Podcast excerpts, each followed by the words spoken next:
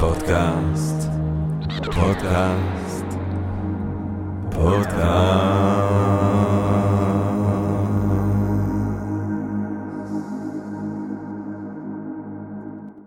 טוב, גבירותיי ורבותיי, ברוכות וברוכים הבאים לפודקאסט של Think and Ring Different. אני ג'רמי פוגל, uh, הפודקאסט למי שאוהב לשתות, uh, לחשוב ולשתות. נכון? לחשוב, אה, לא, זהו, לא, לא התבלבלתי. אה, אני ג'רמי פוגל, ואנחנו רוצים להתחיל עם הודיה, להודות לעצם היש, לעצם היקום, שמאפשר לנו, למרות הכל, וגם אה, בתקופה המאתגרת הזאת, או כבר פחות, יותר מאתגרת, פחות מאתגרת, בתקופה הזאת, לא משנה מה, להתכנס כאן, להיפגש, למען הרחבת התודעה והרחבת הידע וגירוי הסקחנות, ואולי השחאה, אולי איזשהו רעיון נשגב, כאן אצלנו בפודקאסט. כיף גדול, כיף גדול להיות כאן עם הקהל הקדוש בפרק המאה, גבירותיי ורבותיי, וואו! Woo, זה, הפרק המאה yeah. של הפודקאסט, יושב איתי גם אה, דמות הרשע של הפודקאסט, תובל רוזנבסר מ-Think and Read Different. תודה, תודה. שמפיק, וכבר אה, מאה פרקים. אה, פרק המאה. אה, אה, שנייה, אנחנו, אה, תובל, אם, כבר אתה פה עם ה-Think and Ring Different, okay. אה, אוקיי. אולי נציין את הקורס לפילוסופיה שנפתח ב-25 לאפריל. זה הולך להיות מפגש פעם בשבוע בלאו בלומס.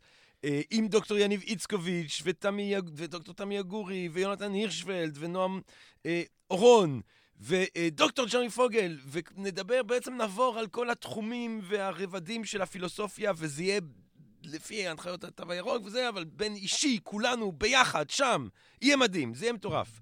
טוב, לפרק המאה אנחנו חשבנו כאן, אה, תובל ואני, אה, לעשות משהו אה, שונה. אז תובל, מה הוא עשה תובל?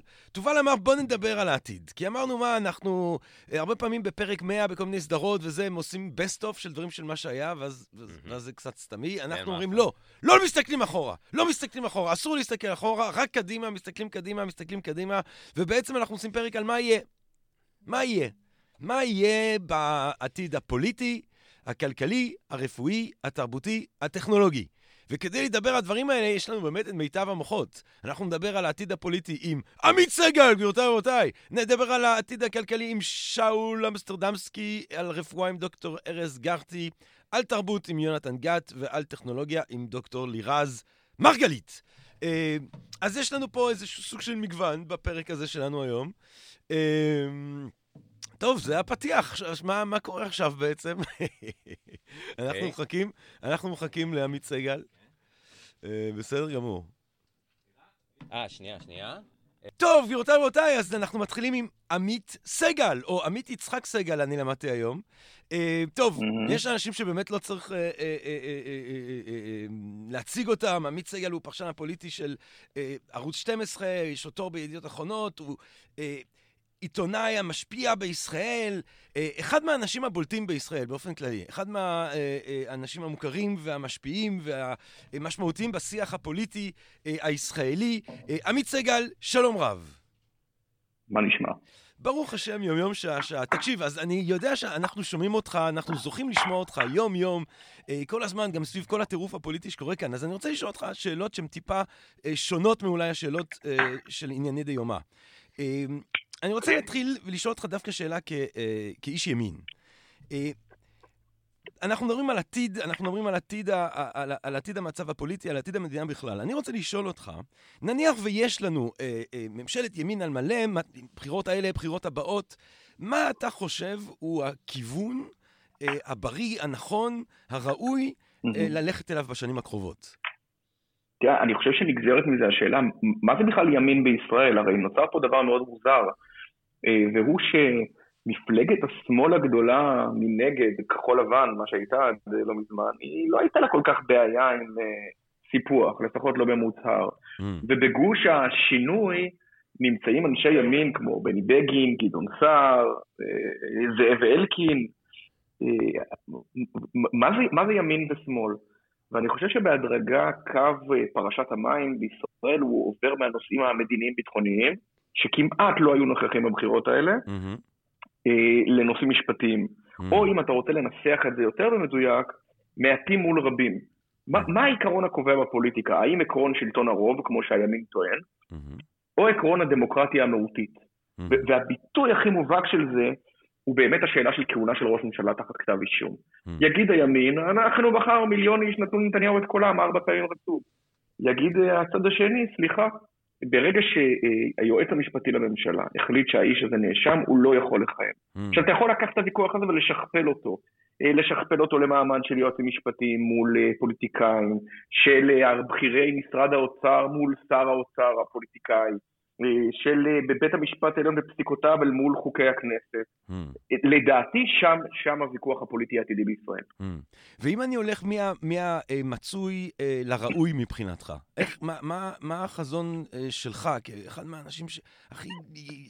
עם הכי הרבה ידע והבנה של המערכת הפוליטית, אבל גם עם, עם אידיאולוגיה ומחשבות משלך, מה, מה לך נראה צריך להיות האיזון הנכון בתחום הזה? תראה, קודם, קודם כל זו דעתי, לא, כל העובדה שאני כתב פוליטי לא מעניקה לי שום יתרון על, על, על, על, עליך או על המאזין, זה באמת עניין של טעם, כן. כמו ש... אתה יודע, אתה יכול להעריך שפים, אבל הם לא יקבעו לך אם תפוח אדמה טעים לך או לא. כן. אה, אני באופן אישי חושב כמובן יש צורך אה, אה, לחזק את המעמד של הרשויות הנבחרות. על פני הרשויות הבלתי נבחרות. אה, ולכל אלה שאומרים, ומה יקרה אם ימנעו מג'ינג'ים להצביע, אז אני אומר, כשימנעו מג'ינג'ים להצביע, רחמנא ליצלן, אני, אני לא חושב ששלושה שופטים או יועץ משפטי אחד יוכלו לעזור. צריך לסמוך על הציבור גם. Mm.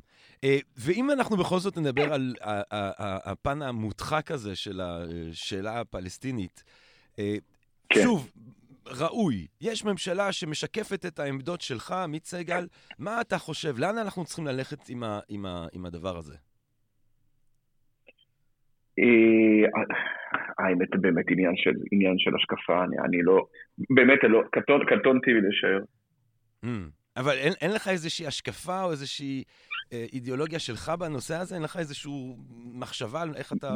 באיזה, באיזה נושא ספציפי? אה, שאלה פלסטינית. לא, אבל זאת אומרת, הכוונה היא... אה, תראה, אני באופן אישי חושב שהסוגיה הפלסטינית אה, היא בלתי פתירה, mm.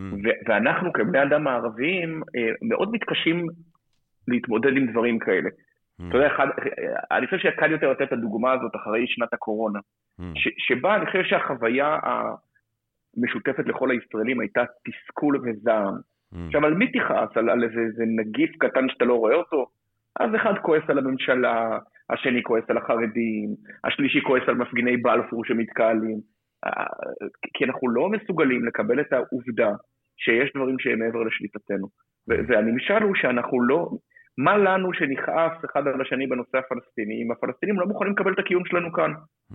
במובן הזה אני חושב שאנשים אה, אה, מפחיתים בחשיבותו של הזמן. הזמן עובד לטובת מי שמנצל אותו. Mm. וכשאני מסתכל על כל נבואות הזעם, על מדינת ישראל, מול הפלסטינים, אה, אני רואה שהם, לשמחתנו, לא התממשו עד עכשיו. Mm.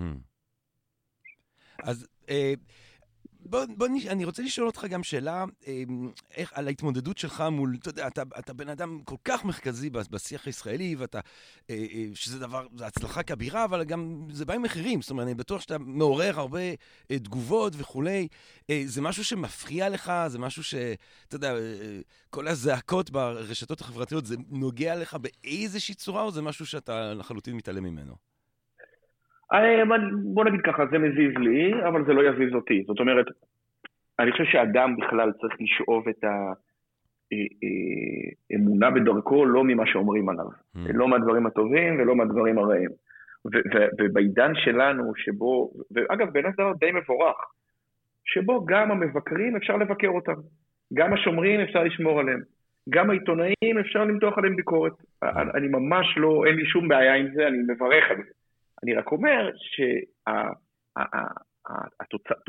שתופעת הלוואי של זה היא שאנשים חושדים בכל דבר, וחושדים באינפורמציה, אומרים זאת הנדסת תודעה. Mm. לא, אה, אני לא מכיר הרבה עיתונאים שימכרו את אה, אמינותם בשביל להנדס את תודעת הציבור. הזה. Mm. לא שאין כאלה, אבל לפחות אני מתקשה, לא, לא חושב על עצמי ככה. אתה חושב ש... עד כמה קשה לך, או עד כמה אתה מנסה באופן אה, פעיל לנתק את העמדה הפוליטית האישי שלך מה, מהעבודה שלך כפרשן? או אם, או אם אתה אומר, אנחנו בתקופה שבו אנשים יודעים מי ימין ומי שמאל, ואנשים לוקחים בחשבון שהפרשנות היא מתוך נקודת זווית מסוימת.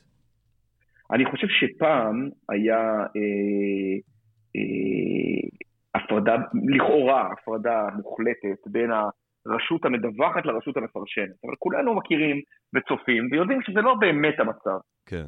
כי אפילו הנושאים שאתה בוחר, המינוחים שאתה בוחר, הם, משפיעים על המציאות. נכון. ולכן אני, אני רוצה להציע לאנשים לא את דוקטרינת האובייקטיביות שפשטה את הרגל ולדעתי מעולם לא הייתה בפועל, אלא את דוקטרינת האיזון וההוגנות. ההוגנות פירושה הוא שאני אשתדל כמיטב יכולתי, אני ומקווה שחבריי, לתת את האינפורמציה במנותק מההשקפות, האמונות והרגשות שלנו. והאיזון מודע לזה שהיכולת שלנו לעשות את זה היא לא מושלמת, ולכן כדאי שיהיו גם השקפות נוספות סביב השולחן. Mm. זה, זה לדעתי הדבר הנכון יותר. אתה מרגיש ש, אה, שהפאנל הזה, הפאנל האמיתי הזה שלנו בשישי בערב, אה, עושה את זה? אה, מצליח ל, ל, לתת מענה ל, ל, לריבוי הדעות בחברה הישראלית? אני מרגיש שהוא עושה את זה יותר מאי פעם. Mm.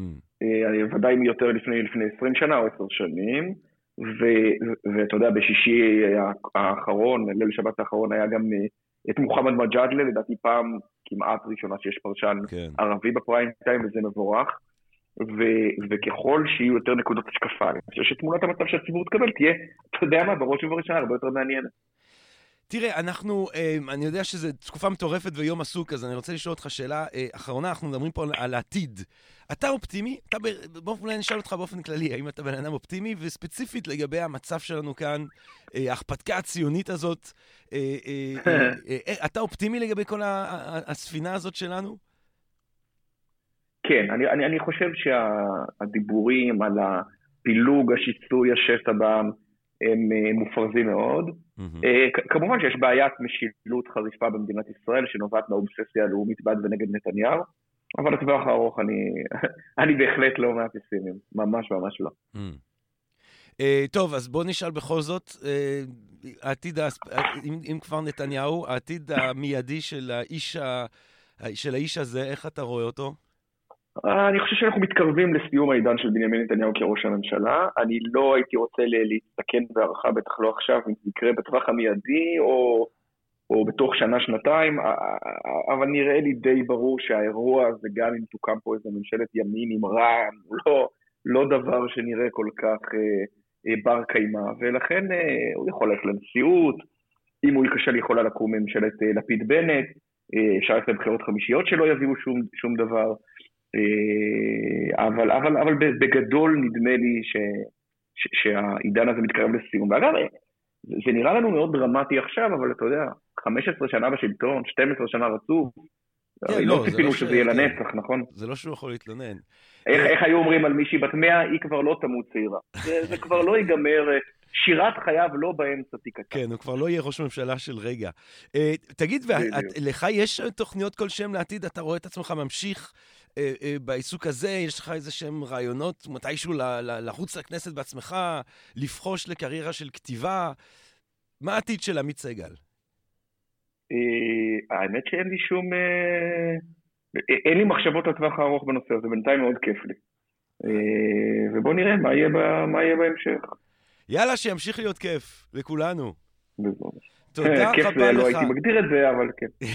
תודה רבה רבה. תודה רבה לך, עמית סגל, ולכל המאזניות והמאזינים שלנו שרוצים לשמוע יותר מעמית, אה, יש לו אה, אה, הרצאות אצלנו ב-Think and Ring Different בשני למאי נכון. בגריי ביהוד, ב-25 למאי באודיטוריום בחיפה. עמית סגל, תודה רבה לך.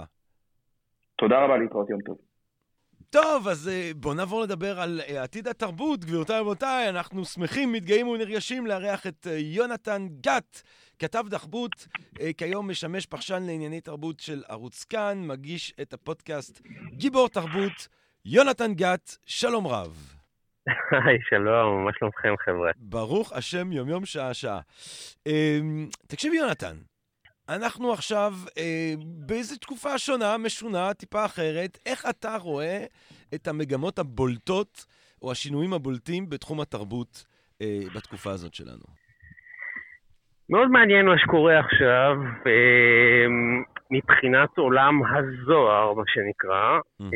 מכיוון שהעולם של הרשתות החברתיות הפך לא מעט אנשים לכוכבים בזמן מאוד מהיר, מצד אחד, ומצד שני, אני מדבר איתכם על כוכבי רשת, ומצד שני, עמעם קצת את הזוהר של אה, כוכבי, ה, בוא נגיד, המדיה הישנים, mm. כלי התקשורת הישנים. Mm. כיוון שהם הפכו להיות הרבה יותר נגישים. כלומר, פתאום יש תחושה שאתה יכול להתקרב לכל אחד, אתה יכול לכתוב למישהו הודעה, אתה יכול לכתוב לקווין ספייסי אה, אה, הודעות נאצה. אה, נאצה. כן, אתה יכול לכתוב לו הודעות נאצה, אתה יכול לכתוב אה, הודעות הערצה. זהו, קווין, לדעתי קווין כאילו רק מחפש אה, קשר ואהבה עכשיו. לדעתי אפשר... כן, תשמע, יש לו, יש לו ערוץ יוטיוב פעיל שאפשר לשלוח, לכתוב לו קומנטים. אני מדבר כרגע על הרעיון, כן, בגדול. בטח, בטח, בטח. הרעיון הוא שהנגישות אל הכוכבים בעידן הרשתות החברתיות הפך להיות כאילו בלתי מוגבל. ברור שהם לא באמת קוראים את ההודעות, אבל התחושה היא... התחושה היא שבעצם כולם זמינים לך. אבל שלא בעצם... כמו בעבר, שהם היו גיבורי על, כן. שאתה לא יכול להגיע אליהם, זה ממש לגעת בשמיים. מה שהזום עשה, מה שאנה רון עשה יחד עם הזום, הוא עוד יותר, לעניות דעתי, עוד יותר עמעם והקטין את המעמד הבלתי מושג של הכוכבים דרגה אחת הרבה יותר גבוהה. מכיוון שאותם כוכבים, ואותם אנשים, הפכו להיות אנשים פשוטים של מצלמות פשוטות. Mm. פתאום אתה מתחיל לראות את, אה, אני חושב שראיתי את תום הנקס, mm. מצלם את עצמו בזום באיזושהי אה, אה, מין אה, תוכנית ראיונות שהוא עושה, ופתאום אתה רואה אותו לא מאופר, לא זוהר, עם התאורה הלא נכונה, עם זווית הצילום הלא נכונה, mm. וככה זה קורה הלאה והלאה. ראיתי איזשהו, אה, ראיתי שיחה עם מרטין סקורסזה באוניברסיטת תל אביב. יושב שם בשולחן העבודה שלו, ונראה כמו איזה סבא חביב ונחמד וטוב, נכון, הוא אף פעם לא היה כוכב הקולנוע, אבל תמיד תמיד כשאנשים כאלה מצטלמים, הם מקפידים על הפריים, מקפידים על איך שזה נראה, ואתם יודעים, ראש הממשלה יכול ללמד אותנו שנראות זה מספר אחד בעיצוב של אה, מיתולוגיה, בעיצוב של אייקון, בעיצוב של תפקיד. אבל נראה לי, יונתן, שמה שאתה מתאר, אה, באמת כאילו גם משקף איזשהו תהליך רחב יותר, שבה אה, בכלל אה, אמצעי תקשורת אה, מאורגנים, מעוגנים, נחלשים אל מול תוכן שהוא פשוט נעשה על ידי בני אדם. הנבואה של כל אחד והרבע שעה, או השלושים שניות, או כל אחד והווירליות שלו. יש איזשהו תהליך כן. כזה של פרקטואליזציה של, של, של התרבות. מכמה ערוצים מרכזיים לבעצם ערוצים שכל אחד יכול לעשות, להעלות סרטים, להעלות הרצאות, להעלות... נכון, אתה צודק, אבל תמיד היה מרחק בין ה users הפשוטים כמונו, אנשי, אנשי העם, כן. שמקבלים את הלחם והשעשועים שלהם מעוד פלטפורמה ביוטיוב ובסטוריז בפייסבוק ובאינסטגרם, לעומת הכוכבים הגדולים, שגם אצלם תמיד זה הכל מוקפד, ויש איתם תמיד איזשהו צוות, הרי יש תמיד איזושהי הפקה שלמה שעומדת מאחורי הכוכבים האלה, שגם כשהם יורדים אל העם, אז זה וואו, זאת אומרת, הם, הם ירדו שלב אחד לטובתנו כדי להעביר איזה סטור, אני זוכר שהיו פעם ידיעות בחדשות, על זה שהילרי קלינטון הודיעה על המועמדות שלה לנשיאות ביוטיוב. Mm. זה היה ממש אה, וואו, כאילו, כאילו היא אה, ירדה אל העם, ממש ירדה מהמדרגות והגיעה לכיכר, לכיכר המרכזית ונשאה את דבריה לאומה. Mm. אה, זה, זה תמיד היה מתווך לנו בצורה כזאת, שיש תמיד פער בינינו לבין הכוכבים הזוהרים. ועכשיו, ש... כן, בבקשה. מה אתה חושב יהיו ההשלכות של, ה... של, ה... אה, אה, של השוויון הזה, של הדמוקרטיזציה אולי, של, אה, של, של, של התרבות שלנו? מה, מה אתה חושב יהיו ההשלכות של זה על, על ספרות, על קולנוע, על טלוויזיה? או על, לא יודע אם להגיד טלוויזיה, על תוכן אודיו-ויזואלי, כן. כן. מצד אחד, יש לך בעצם אופציה של, אה, אה, בוא נגיד, יש לך הרבה יותר כרגע אופציות לאנשים חכמים לצוץ על פני השטח, עוד יותר ממה שהיה בעידן הרשתות, מכיוון שבגלל שאנשי העל והסופרים הגדולים יורדים אל הזום, אז כשאתה נמצא איתם בתוך הזום, ולאף אחד אין ברירה, אתה די מבצע שוויון כוחות. Mm. אם אני שומע על אנשים שכשהם אה, מנהלים, אנשים לא מוכרים שמנהלים זום ומגיעים אליהם 5,000 איש, ולעומת זאת סופרים שאתה מאוד מכיר, אני לא אנקוב, ב, לא בשמם, אבל אני שומע שמביאים בקושי 80 איש mm. להופעות זום. אה, אז אה, פה הגבול בין השניים מטשטש, והאנשים שמצליחים בסופו של דבר להביא תוכן איכותי, מקבלים פחות או יותר את אותה, את אותה הזדמנות. הכוונה היא שאם לשניהם, אם שניהם מתחילים מאותו, מאותה עמדת זינוק, mm-hmm. אז ללא ספק יש כאן אה, דמוקרטיזציה של הבעת הרעיונות והפלטפורמה, אה, אה, הצנרת שווה לכולם להביא את החומרים לציבור. עכשיו, זה אני, אני חשבתי על זה. מצד שני... אני חשבתי בדיוק על מה שאתה אומר אתמול, ראיתי, טוב, אני גם לא נגיד שמות, אבל ראיתי אומנית ישראלית עכשיו שנורא מצליחה, אה, ואני אומר לעצמי, אוקיי, האם זה באמת, אני יושב בבית ואני עושה את הסרט ואני שם את זה ביוטיוב, ושני אנשים רואים, והשניים אומרים על זה על ארבע, ואז שמונה, ואז זה נהיה ויראלי, כאילו אנחנו באמת טור גיאומטרי, כמו שאנחנו אומרים עכשיו. אה, או שמא זה עדיין כוחות שעומדים מאחורי זה ודוחפים את זה. זאת אומרת, האם, כמה בעידן הזה משמעותי אה, אה, אה, באמת פיור יצירתיות, יצירתיות טהורה, היא, היא, היא מה שקובעת את ההצלחה, או אם עדיין הפלטפורמה ועדיין הגיבוי ועדיין הדחיפה של מנגנונים מקצועיים היא קריטית כדי ליצור הצלחה בתחום התרבות? התשובה היא מספר שתיים. אין ספק שאנחנו מקבלים רושם של דמוקרטיזציה, mm. אבל זה כמו, אתה יודע, חיפוש מידע בגוגל, כן. האתרים החזקים הם אלה שיופיעו ראשונים, הם אלה שיתבלטו, אלה שמקבלים את התמיכה. פעם, אתה זוכר שאמרו, טוב, הכל יהיה בגוגל, זה יהיה כל כך דמוקרטי, יהיה כל כך הרבה אופציות, אבל בסופו של דבר אנחנו מתגבשים לכדי שניים, שלושה אתרים מרכזיים שמהם אנחנו מקבלים את הפוש. Mm. אנחנו לא הולכים לכל מיני מקומות uh, שאנחנו לא סומכים עליהם, בסופו של דבר זה מאוד מוסדי. כך גם לגבי הדבר הזה, אנחנו, יש לנו את הרושם שכל ממזר מלך עכשיו, אבל בפועל המתבלטים הם אלה שאנחנו הם, אמ, שמים לב לאיכות השידור שלהם, לאיכות התוכן שלהם, וכבר כל מיני הפקות כאלה ואחרות, אתה יודע, יש עכשיו אה, פסטיבל, אה, פרס, אה, אני חבר אקדמיה, אקדמיה קולנוע וטלוויזיה, ויש עכשיו קטגוריה חדשה של סדרות. סדרות רשת. Mm. בסופו של דבר, סדרות הרשת הבולטות הן אלה שמקבלות גיבוי, ואלה שיש להן תקציב, ואלה שיש להן תמיכה, ויכולים אה, אה, להוציא תקציבי שיווק ומימון וקידום ממומן וכדומה, כדי להגיע לכמה שיותר אנשים. אז מצד אחד, דמוקרטיזציה של התוכן, בהחלט, אנשים שיש להם חומרים יוצאי דופן שהופכים להיות ויראליים, יש כאלה, אבל מתוך מיליארדי אנשים ברחבי העולם, זה מעט. והם צריכים בסופו של דבר גם כן להילחם באותן חברות שמשתלטות מהר מאוד ברגע שהן שמות לב שיש צינור תקשורתי חדש, כמו פעילות כזאת ברשתות ובזום וכדומה, הן משתלטות על התחום הזה, נותנות לזה את הבוסט הכי גדול שאפשר, ובסופו של דבר אה, משתלטות גם על השדה הזה, השדה התקשורתי הזה. יונתן גת, תודה רבה לך. דמוקרטי, אז אתה אומר דמוקרטיזציה, אבל אה, לבוש דמוקרטי לאותם... אה, לכאורה. לאותם, אה, לאותם מנגנוני כוח אה, אה, הקודמים. אה, תודה רבה לך, יונתן גת. תודה, ג'רמי. כל טוב. ביי ביי.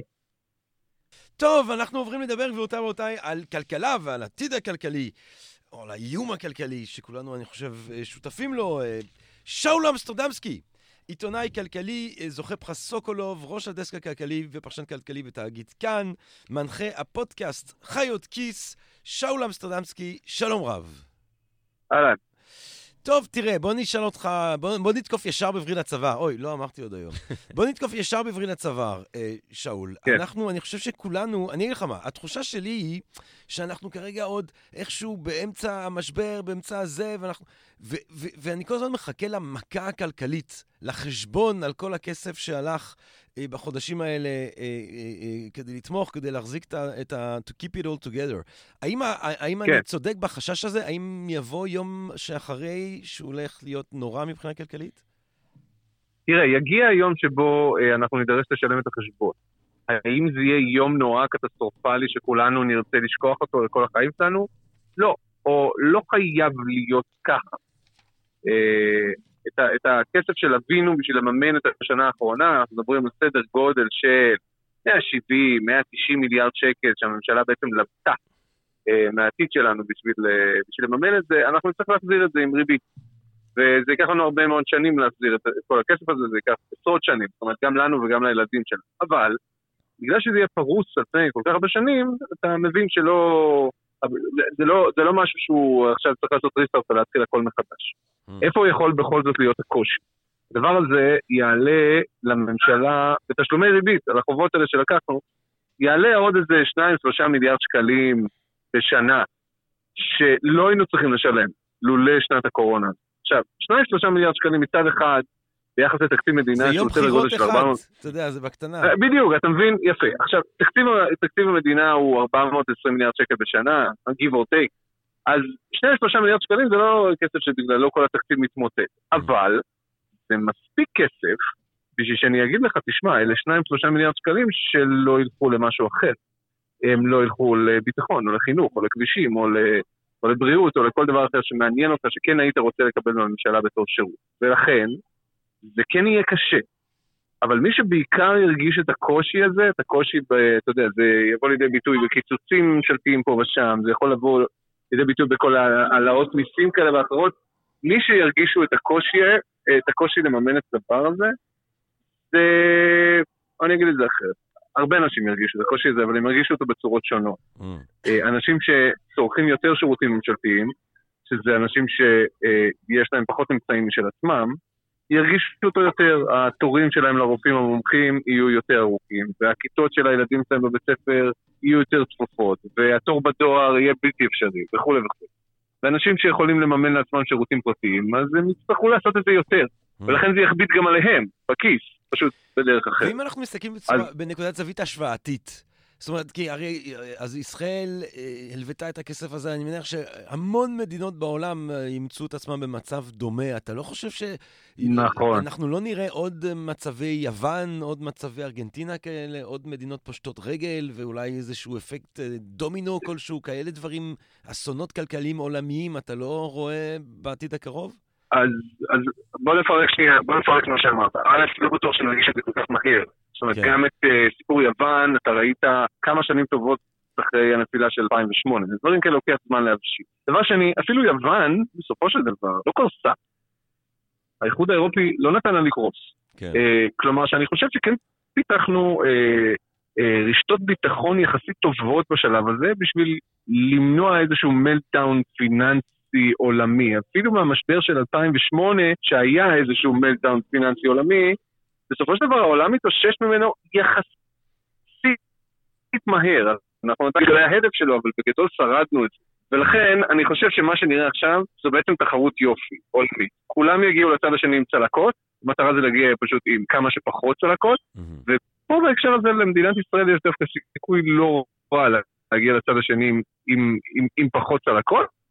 האתגרים היותר קשים שלנו הם, הם לא הקורונה, הם הטווח הארוך, בעיות כלכליות יסודיות שאנחנו נמנעים לפתור אותן. כמו?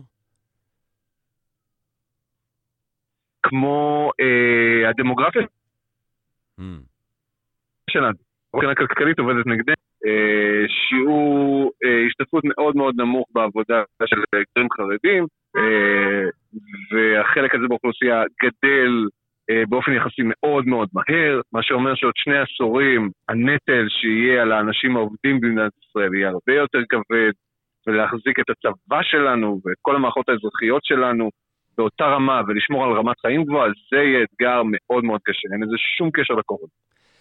אני חושב, מה אתה חושב, אם מדברים על עתיד ועל ההאטה, יש תנועה כזאת שמדברת על, ה, על החשיבות של האטה, על זה שכאילו הפתרון לעולם בר קיימא זה לנסות אה, לצאת מהפרדיגמה של הרחבה והקדמה והפקת מוצרים עוד ועוד ועוד, וללכת למקום של האטה. פחות. פחות, כן. פחות לצרוך. פחות ליצור, פחות, לא ליצור יצירה חופשית, ליצור מוצרים למכירה. כן. אתה, אתה חושב שדברים מהסוג האלה הם אפשריים? אנחנו יכולים עוד לצאת מהמרוץ המטורף הזה? תראה, יש פה, יש פה מתח בין שתי מטרות. מטרה אחת שאתה רוצה זה שלכולם תהיה רמת חיים גבוהה. Mm.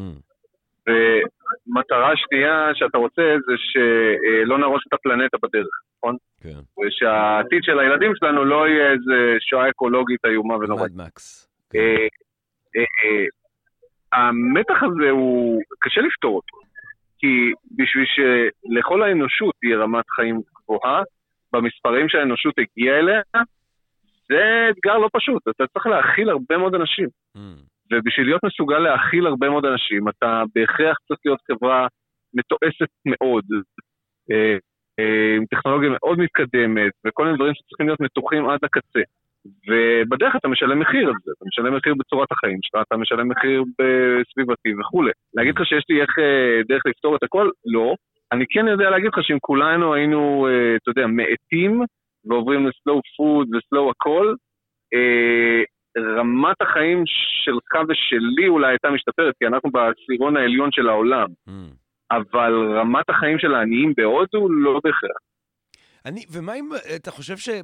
זאת אומרת, אני חושב שרמת החיים שלנו סבבה. אפילו אולי אה, כדי לאזן את הדברים, אולי אנחנו, בעשירון העליון של העולם, אנחנו צריכים קצת לרדת ברמת החיים. ובהצלחה בלשכנע את הציבור, מה אני רץ, אני רץ לבחירות עם אה, אה, הנמכת רמת החיים לכולם, כאילו, מתוך צדק כן, אוניברסלי. מה, זה לא תופס? זה נשמע לי כמו... תראה, נראה לי שפחות. אה, תגיד, אתה מושקע בקריפטו? כולם מדברים על קריפטו, לא. אנשים מדברים איתי על קריפטו. לא, אני לא. ובבורסה? כן. אתה, אני לא, כי אני, אני רוצה לשאול אותך שאלה אישית, סורי שאני עושה את זה בפודקאסט שכולם שומעים, אבל דבר אחד לא הבנתי, כי אני, היה לי איזה רגע שאמרתי, אני חייב לזה בורסה, אני חייב לשפר את המצב שלי. לא הבנתי למה באמצע המשבר המטורף הזה, הכל פתאום עלה אחרי שזה נפל. זה לא אמור לקחוס מתישהו שוב, הבורסות? תראה, הבורסות אה, מתישהו שוב יקרסו, כן, זה, זה אמת מוחלטת, פשוט אף אחד לא יודע מתי. אה, כן. זה יכול להיות מחר, זה יכול להיות חודש, חצי שנה, שנתיים, לא יודע. כן. אה, אני יכול למנות לך סיבות למה הבורסות עלו. אה, אני חושב שזה שילוב של כמה דברים. דבר ראשון, הפט, אה, בעיקר בארצות הברית, הבנק המרכזי בארצות הברית, פשוט התחיל להזרים הרבה מאוד כסף לשווקים, וכשיש כסף צריך לשים אותו איפשהו, אז אתה משקיע אותו בדברים עולים. דבר שני, דבר שני שקרה זה ש... חלק גדול ממה שהעלה את השווקים זה מניות של חברות מאוד ספציפיות שהן בעיקר מניות טכנולוגיה, mm. אה, שבעולם של הקורונה הן, אה, אתה יודע, נהיו רווחיות יותר. ודבר אחרון, אה, יכול להיות שמלכתחילה הירידות היו חדות מדי. Mm. כלומר, כולנו חשבנו שכולם הולכים למות, אז הכל ירד, אבל די מהר הבנו שאוקיי, הרבה אנשים הולכים למות, אבל לא כולם הולכים למות. Mm. אה, ואז השוק התחיל בעצם אולי לתקן את הירידה היותר מדי חדש שהוא נקלע אליה מלכתחילה. זה כאילו שילוב של כמה דברים. אה, שאול, אנחנו איכשהו, כן. איכשהו מסתדרים עם הקורונה, אבל מאיפה יהיה לנו את הכסף לזומבי אפוקליפס? אה, אני לא יודע, חביבי. אני לא יודע. שאול אמסטרדמסקי, תודה רבה לך, רק בריאות, תודה רבה שדיברת איתנו. תודה, ג'רמי. כל טוב. ביי ביי. טוב, אה, בוא נעבור לדבר על אה, בריאות. מה, זה נראה אה, נושא רלוונטי. עתיד הבריאות, אני שמח, מתרגש ומתגאה לארח את דוקטור ארז גחטי, שהוא דוקטור לאימונולוגיה מטעם מכון ויצמן וראש תחום תקשורת המדע במכון דיווידסון לחינוך מדעי. דוקטור ארז גחטי, שלום רב. שלום, שלום. טוב, בוא, אני רוצה להתחיל מ... אה, אני חושב איזושהי תגובה אה, של הרבה מאיתנו היה ברגע שקיבלו את, ה, אה, שקיבלו את התו הירוק, הפג תוקף הזה. מה, מה, כן. מה, מה, מה, מה הקטע של הפג תוקף? מה, מה פתאום פג תוקף? אז אוקיי, זה לא פג תוקף, זה התאריך המינימלי של, ה... ש... של התוקף. הוא יכול מאוד להיות שיאריכו אותו בחצי שנה, אולי אפילו יותר. Mm-hmm. העניין הוא שעם החיסון אנחנו לא יודעים עדיין מה יהיה משך הזיכרון החיסוני שלו. Mm-hmm. אנחנו יודעים, התחילו לפתח את החיסון הרי, התחילו לתת אותו בניסויים קליניים במאי שעבר, אז אנחנו יכולים להעריך מה המשך שלו עבור האנשים שקיבלו את החיסון מאז, mm. אבל כמה עוד, אנחנו עדיין לא יודעים, לכן קבעו איזשהו, אה, איזשהו סטנדרט מינימלי של לפחות חצי שנה, כנראה יותר, זה יהיה יותר דרך אגב, mm. ויעריכו בהתאם ל, לידע שהצטבר. Mm. העניין הזה של, ה, של הניסוי הזה, שבעצם כבר מתחיל במאי, אה, זה אומר שבעצם הטכנולוגיה עצמה תוך אה, חודשיים, משהו כזה. מפרוץ המגפה, לא? את ה... אה, אפילו פחות, כי מודרנה למשל התחילו את הניסויים הקליניים שלהם במרץ. אבל זה, אז, זה פשוט. מרהיב, ה... זה פשוט מטורף, שהגענו למצב נכון, שתוך כמה נכון שבועות אנחנו מצליחים ל... לה... אה, אה, זאת אומרת, מה, מה עם... זה AI, זה המיפוי הגנטי, זאת אומרת, מה מאפשר לנו את היכולות המטורפות אז, האלה?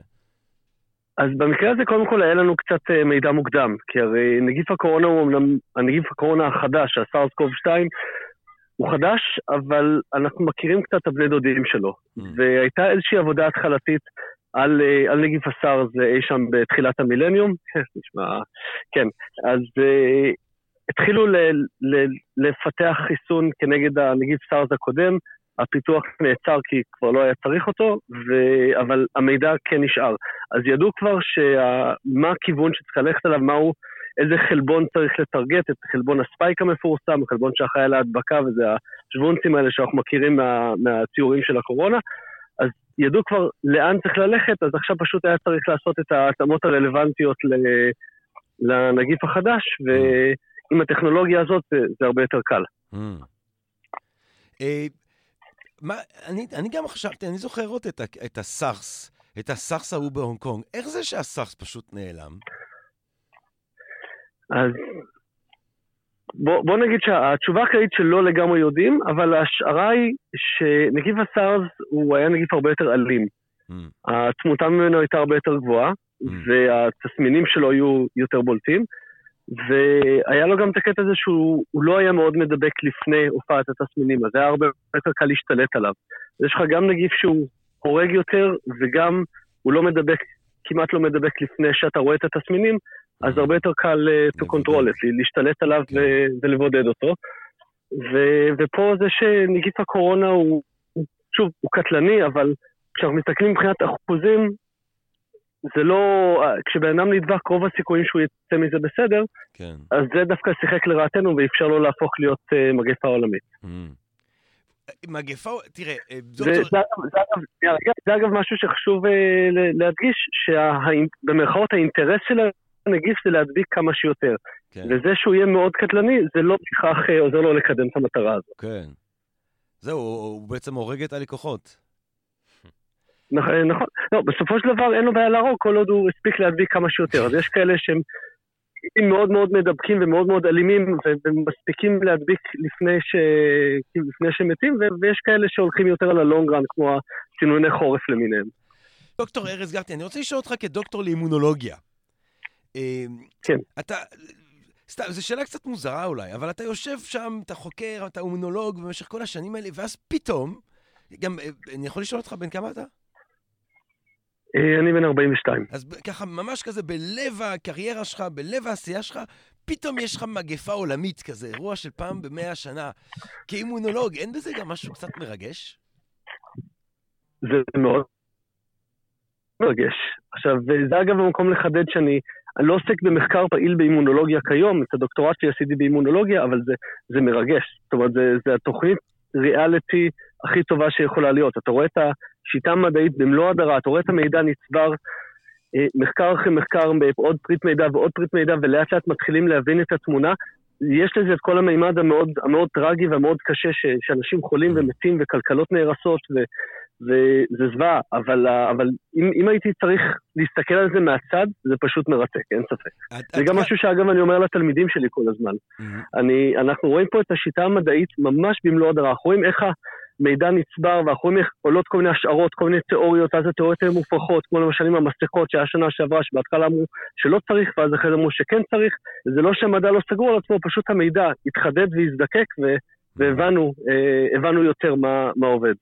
כן, לא, זה, זה גם, אני, אני חייב לומר גם שזה שמדענים פתאום הופכים להיות במרכז התרבות, אה, זה דבר מעולה. הלוואי שזה ימשיך.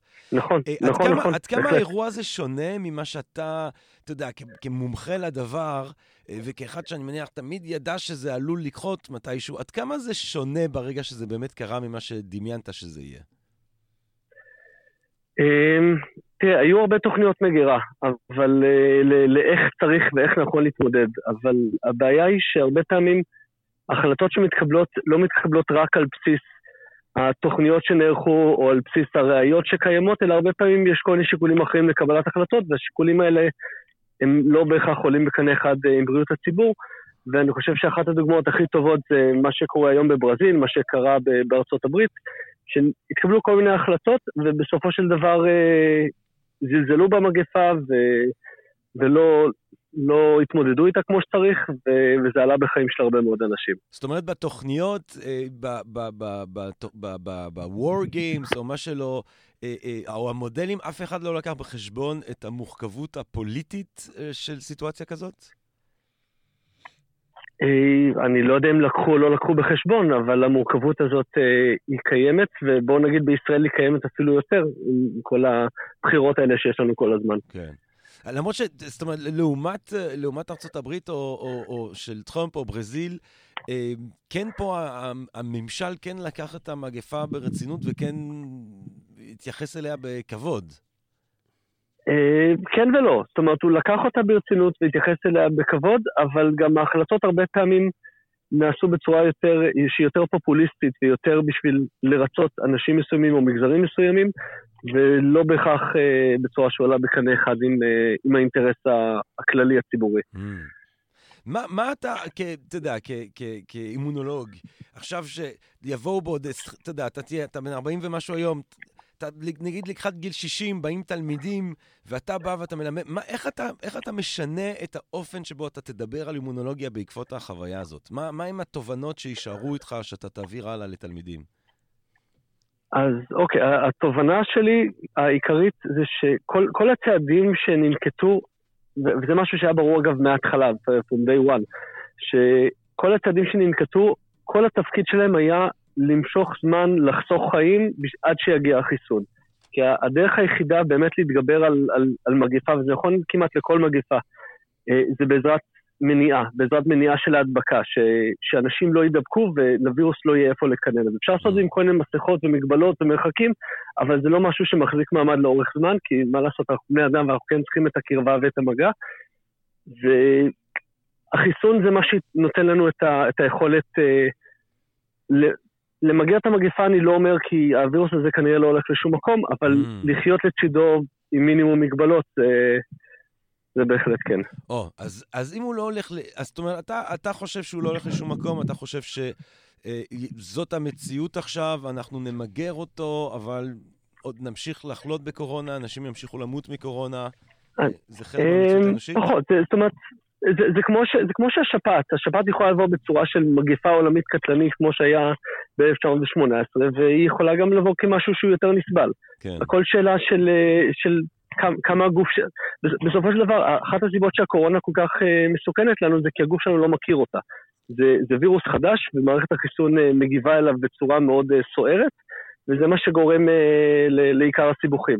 Mm. עכשיו, ברגע שמערכת החיסון שלנו, ברגע שאנחנו עושים לאנטי-וירוס שלנו את העדכון הזה, ואנחנו מלמדים אותו איך נראה הווירוס, התגובה תהיה הרבה, הרבה יותר, יותר מהירה, והיא תחסל אותו בשלב הרבה יותר מוקדם, ולא תאפשר לו אה, להתרבות. עכשיו, גם אם נניח הווירוס הזה עובר איזושהי מוטציה, עובר איזשהו שינוי, עדיין את, ה, את הבסיס מערכת החיסון שלנו מכירה. אז אנחנו נחלה, אבל נחלה הרבה הרבה יותר קל, וזה יהפוך להיות עוד אחת ממחלות החורף יכול להיות שאנחנו גם אה, נמשיך לקבל אליהם חיסון כל שנה, כמו עם, כמו עם השפעת. זאת אומרת, אתה, אתה אומר, חברים, אה, אל, אל תצפו, אל תבנו על איזושהי היעלמות של הדבר הזה עם חסינות העדר כלשהי. אה, פשוט תהיה, יהיה מתינות של הנוכחות של הדבר הזה בחיים שלנו, אבל קורונה תמשיך להיות.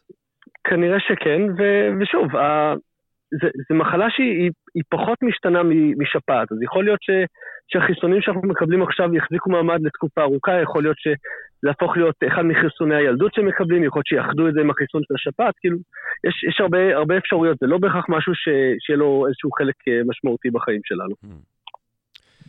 טוב, דוקטור ארז גרטי, תודה רבה רבה לך שדיברת איתנו. עכשיו עוד משהו אחד, אם אני, יכול רק, אם אני יכול רק עוד משהו אחד בהקשר הזה, עוד משהו שאנחנו רואים פה, זה את המהפכה שהתחום של האימונולוגיה, לפחות על זה מדברים, המהפכה שהתחום האימונולוגיה עומד לעבור עם, ה, עם הטכנולוגיות החדשות של החיסונים, הטכנולוגיות של ה-RNA ושל ה-DNA, mm. שבמקום להזריק חלקים של הווירוס או וירוס מומת, אנחנו מזריקים את הוראות הבנייה לאחד החלבונים, ואז אנחנו כאילו מדמים מצב שלנו נדבקו כשהם לא באמת נדבקו,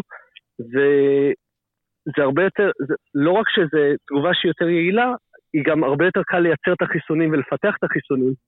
אז יכול להיות שזה משהו שיפתור לנו כל מיני בעיות, למשל עם, ה, עם השפעת ועם, ועם חיסונים, ועם מחלות אחרות שאין להם חיסון יעיל. אז אולי באמת אני אשאל, כי אחד מהדברים שכל כך מדהימים, אני בתחילת הדרך אמרתי, טוב, מה, מה, מה לחכות לחיסון בעוד שנה? לאיידס אנחנו מחכים לחיסון כבר, אה, מה זה, כמעט 40 אה, אה, שנה. איך, איך, זה, כן. ש, איך זה שה, שבאמת 40 שנה של איידס ואין עוד חיסון, והנה לנו, אה, בסדר, אז היה את הסארס וזה, אבל צ'יק צ'אק יש כאן חיסון. אותם, אותם יכולות לא, לא יכולות לפתור גם למשל את, ה, את, ה, את, את מגפת האיידס? אז זהו, איידס זה, זה אופרה אחרת, כי אנחנו, אנחנו רואים שלמשל, סתם דוגמה, שפעת, אנחנו מתחסנים כל שנה כי הווירוס עובר שינויים, האיידס עובר שינויים ברמה משוגעת. זאת אומרת, זה, הוא, ברמה כזאת שאצל אותו בן אדם יש אוכלוסיות שלמות של, של וירוסים שכל אחד שונה mm. בקצת uh, מה, מהאחרים. אז גם אם אנחנו מייצרים חיסון, הוא יהיה יעיל כנגד קבוצה מסוימת של, אה, של HIV, אבל עדיין יהיו נגיפים אחרים ש, שהחיסון לא יעבוד עליהם, ואז הם פשוט יתרבו ויתפסו את המקום. זאת אחת הסיבות שהגוף שלנו לא מצליח להתגבר על, ה, על הזיהום בנגיף, בגלל שהווירוס כל הזמן משתנה ומערכת החיסון לא מספיקה לעמוד בקצב ש, של השינויים האלה. Mm, מעניין.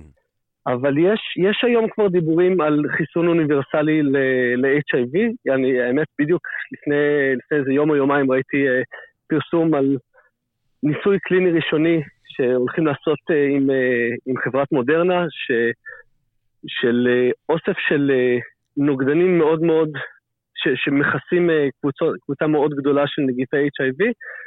בינתיים אה, זה, זה בשלב מאוד ראשוני, אבל יכול להיות ש, שמפה תבוא הישועה. בוא'נה, אתה יודע מה, יש לי עוד איזה שאלה. אה, הרי, אוקיי. אסטרוסנקה, החיסון שמסתובב באירופה, בתחילת הדרך אמרו כן. אוקספורד אסטרו זה. עכשיו שכאילו יש שם קצת בעיות של קרישי דם ועניינים, פתאום זה כבר לא אוקספורד, זה רק אסטרוסנקה. לא, לא שמת לב? טוב, בסופו של דבר זה הכל יחסי ציבור.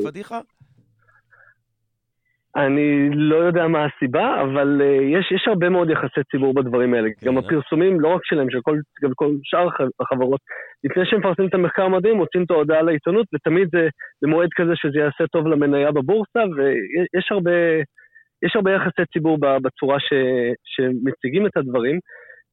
ספציפית במקרה של אסטרוזניקה הם גם עשו הרבה טעויות uh, מתוד... גם טעויות מתודולוגיות בניסוי וגם אה, בצורה שהציגו את התוצאות, ניסו להציג אותן בצורה יותר מחמיאה ממה שהיא במציאות, אז זה סיפור שהרבה יותר מורכב. הסיפור של, ה... של הקרישי דם, דרך אגב, המספרים שם הם מאוד מאוד קטנים, mm. לא בטוח ש... שגם אם זה, בואו נגיד שגם אם זו תופעת לוואי שקשורה, אנחנו מדברים פה על שיעור של 1 לחצי מיליון. Mm. כשמסתכלים על שיעור התמותה מהמחלה. כן, זהו, אתה הולך עם, הסטטיסט... אתה הולך עם הסטטיסטיקה היותר טובה, כאילו, אתה יודע. אה, לגמרי, לגמרי. אה, אה, אבל עם פייזר אנחנו די ברי מזל, לא? זאת אומרת, תוצאות... לגמרי. אנחנו... זה גם פייזר וגם מודרנה, זה הם שני חיסונים שאגב הם, הם כמעט זהים מבחינת התוצאות שלהם, וכן, אנחנו ממש, ממש, בר... ממש פריבילגיים, יש לי חברים שחיים באירופה ושמעו שהתחסנתי כבר, אז אמרו לי שהם מתחסנים רק, ב, רק בספטמבר, אז יש לנו הרבה מזל גם, ב, גם מבחינת הכמות של החיסונים שקיבלנו וגם מהסוג שקיבלנו. קיבלנו את הסחורה הכי טובה בשוק. אני רוצה, אתה יודע מה, אני רוצה לשאול אותך גם שאלה כ, אה, כראש תחום אה, תקשורת המדע. מה, כן. בעידן של הרשתות, ואנחנו רואים את המיעוט המאוד קולני הזה ש, שמתנגד נורא לחיסונים. איך, איך אפשר, הרי בסופו של דבר הם, הם, הם בני אדם, הם אנשים, הם... נכון. חברים שלנו בקהילה.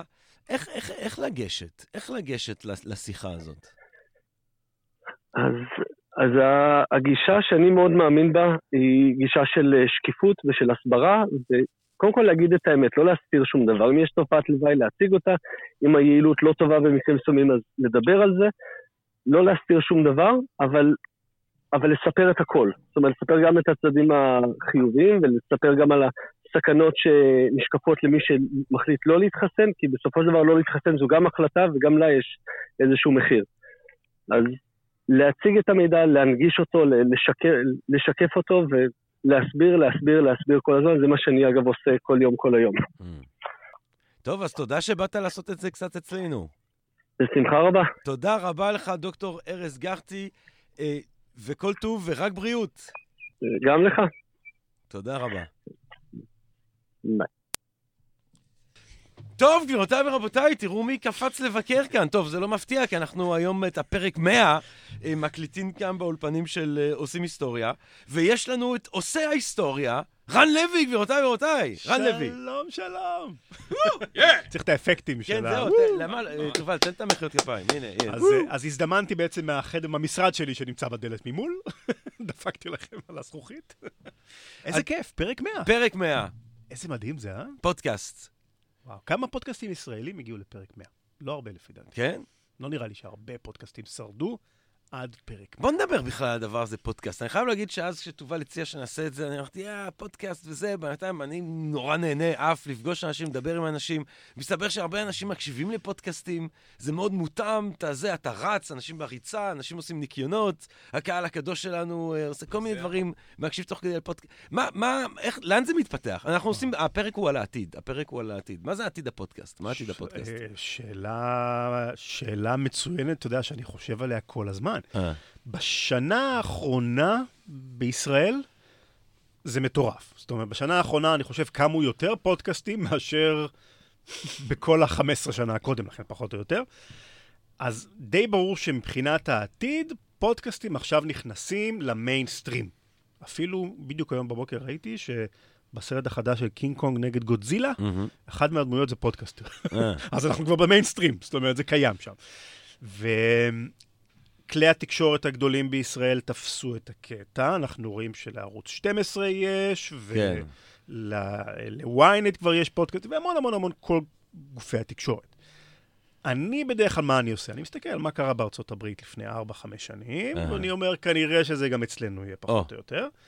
ומה שקרה בארצות הברית מאוד מעניין, כי החברות הגדולות, ספוטיפיי, iHeart Media, כל המפלצות הענקיות האלה, אתה יודע, מולטי ביליון דולרס כאלה, התחילו להילחם על הפודקאסטים המצליחים. ספוטיפיי לקחה את ג'ו רוגן בזמנו. נכון. ו, אה, ו, ו, וכל החברות האלה ככה מתחילות לרכוש כל מיני חברות אה, קטנות, גדולות, פודקאסטרים מצליחים. אה, וזה גם טבעי כזה, קונסולידציה של השוק, זה איזשהו שלב בהרבה, אתה יודע, שירותים ומוצרים שמתפתחים. מה יהיה בישראל? אני לא יודע, אולי נתחיל לראות התמזגויות, אולי עוד רשתות פודקאסטים, לא רק הרשת של עושים היסטוריה. כן. אה, מעניין. אתה בעצם, אבל אתה בעצם הקונגלמרט. אתה, אתה הראשון. מפתיע לחשוב על זה.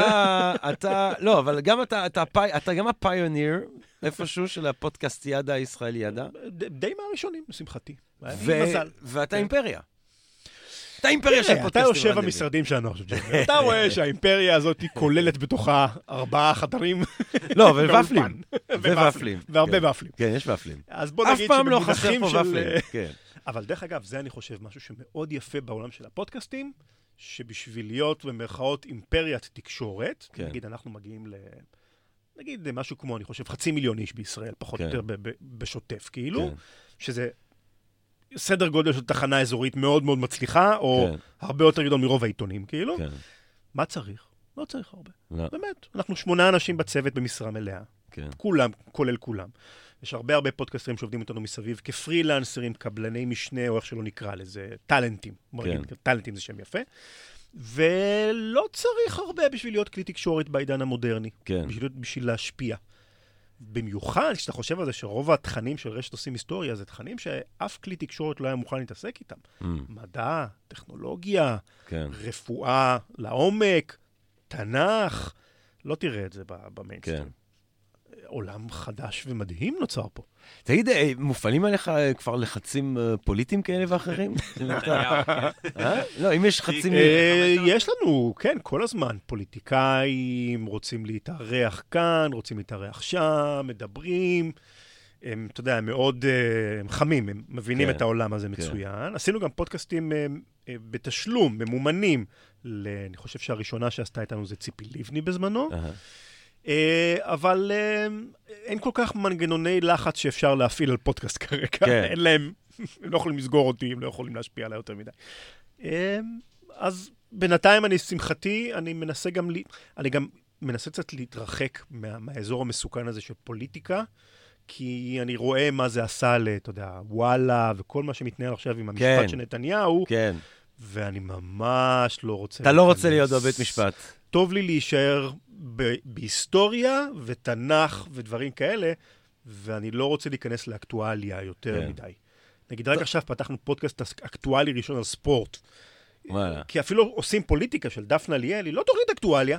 כן. היא לא מדברת על מה קרה היום. היא מדברת על, ככה באופן כללי, אתה יודע. אז... אה, מה עם וידאו קאסט? מה עם העניין, מה עם, מה עם צילום? הרבה שואלים אותי. אני רואה שיש פה קצת uh, מצלמות. נכון, יש קצת מצלמות, ואנחנו נכנסים לזה מאוד מאוד בזהירות, אבל uh, אתה יודע, יש לי יתרון בזה שיש פה חברה משגשגת עם שמונה עובדים בלבד. כן. אם אני מכניס, אם אני מכניס וידאו, כן. כל שרשרת ההפקה היא הולכת להיות הרבה יותר מורכבת. וידאו זה בערך פי עשר, אני חושב, יותר מאמץ ומבחינת המספרים, דקה. נגיד uh, ג'ו רוגן, mm-hmm. או אני, אני, אני אוהב את ההוט בוקסים עם uh, מייק טייסון. Mm-hmm. הוא יושב שם, מעשן ג'וינטים ומשתף אה, uh, מהגותו. מי יגיד למייק טייסון? כן, לא, יש את הפרק שהוא חופן. יוריד לך את האוזן. חופן של uh, פטריות הוא אוכל, תוך כדי שידור באחד מהזה, פשוט אוכל אותם. הבן אדם לא רואה ממטר, דבר מאוד רציני. אה, מצולם. עכשיו, כן. אנשים... אה, אני, אני מודע לזה שאני מאוד, אני מפסיד מזה כנראה. כן? מפסיד. אה, אבל אני לא, אני, אני לא רוצה לקחת כרגע ביס גם אתה גבר יפה, אולי אנשים לא יודעים את זה. תודה. אתה, אתה נורא... הזקן שלנו, ג'רמי, כבר כן. שנינו לבן שחור כזה כן. אבל אתה יודע, אני אומר לעצמי, אני אהיה זהיר, אני מפחד מאוד מגדילה לא מבוקרת של החברה, כי אם פתאום אני נכנס לוידאו, והאולפן הזה פתאום יצטרך להיות גם להצטלם יפה, ויהיה פה ציוד יקר, ויהיה לי עורכי וידאו שיתעסקו עם זה, ואולי איזה במאי או משהו כזה, אתה יודע, השלב הכי מסוכן בחיים של חברה, וכבר גיליתי את זה על בשרי, זה הצמיחה המטורפת. Mm. פעם שאתה צומח בצורה לא מבוקרת, מתחילים ליפול דברים בין הכיסאות. Mm. פתאום לקוחות מתחילים לגלות uh, תקלות, אה, ווידאו זה עולם שלם שאני, מה, אני רוצה להתחיל להתחרות נגד כל היוטיוברים למיניהם? כן. אז... אה, בטח שאתה רוצה להתחרות. שאלה יפה. רוצה להתחרות ביוטיוברים. אתה יודע, אני רוצה נורא להיכנס. לתפוס את היוטיוברים האלה אחד-אחד. אבל זה מפחיד, ואני לא בטוח שהפורטה שלנו צריך להיות וידאו. כן. אמ, מעניין. אבל זה שבאמת כל, אתה יודע, כל בן אדם אחד על חמש עושה פודקאסט. כל אחד, זה כמו בלוגים, כן, 20 שנה. כן, כן, זה כאילו כולם, כולם, זה לא, זה לא איזשהו סוג, זאת אומרת, זה מעניין. בדיוק דיברנו על זה, האמת, גם בשיחה שלנו עם מתן גת, על הפרקטואליזציה של התרבות. זאת אומרת, זה כבר לא איזשהו משהו מרכזי, זה מלא מלא מלא איים של נכון, תוכן נכון. שאנשים... פועל יוצא של תרבות ה-on-demand. זאת אומרת, כן. זה, זה התחיל מהטכנולוגיה, שאתה יכול לשדר לאנשים את מה שהם רוצים לקלוט באותו הרגע. כן. ראינו את זה בטלוויזיה, איך זה פשוט מחסל את הערוצי uh, טלוויזיה כן. ליניארית הרגילה, גם בארצות הברית כבר הרבה שנים וגם אצלנו עכשיו. פודקאסטים זה המשך טבעי של המגמה הזו. Uh, אני חושב שזה גם תורם במידה לא מבוטלת ל... איך, איך קראת לזה? הפרקטליזציה של החברה, כן. באופן עקרוני. כן. כי כשכל אחד... מתרכז סביב מדורה קטנה משל עצמו, כבר אין מדורת שבט גדולה שכזו. אה, זה תהליך שעובר על כל האנושות ב-20 שנה האחרונות, אני חושב. לא, פודקאסטים כנראה לא, אתה יודע, הם לא, הם, הם לא חדשים, הם לא היחידים ובטח לא הראשונים בקטע כן. הזה. מה אבל בעצם... הנה, רדיו זהו, רדיו. גם עובר את זה. מה מה ההבדל? הרי רדיו ופודקאסט, ההבדל זה, זה רק עניין של פלטפורמה. תיאורטית, כן, הפצה. זה, כן. זה, זה כאילו ההבדל התיאורטי הבסיסי, אבל כשאתה מסתכל לעומק, אז אני רואה הבדלים הרבה יותר עמוקים בשני, משני דברים. קודם כל, אה, אה, אה, תחנת רדיו בעולם הישן שונה מרשת פודקאסטים, בצורה מאוד מאוד אה, אה, עמוקה. בתחנת רדיו יש לך שדרן שהוא מייצג את התחנה שמאחוריו ואת ה...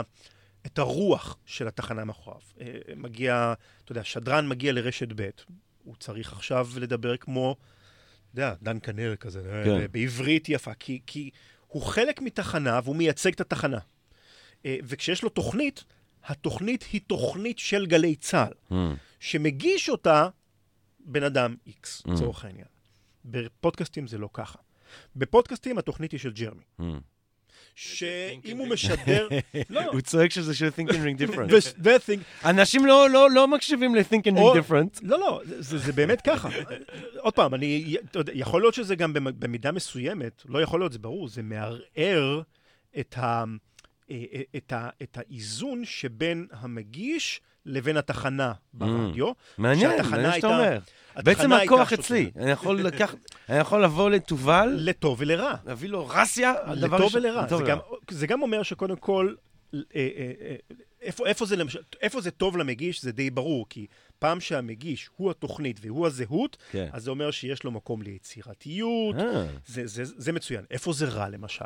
mm, אני, כשאני פותח תוכנית חדשה ברשת עושים היסטוריה, אני לא יכול להניח בוודאות שאנשים יקשיבו לה רק מכיוון שזה של רשת עושים היסטוריה.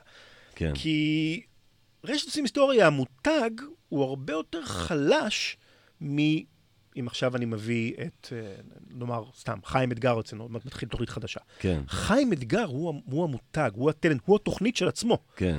אה, אז אני כ, כגוף שעובד איתו, צריך לעבוד ממש קשה בשביל לתת למגישים שלנו את, את, ה, את מה שהם צריכים ממני.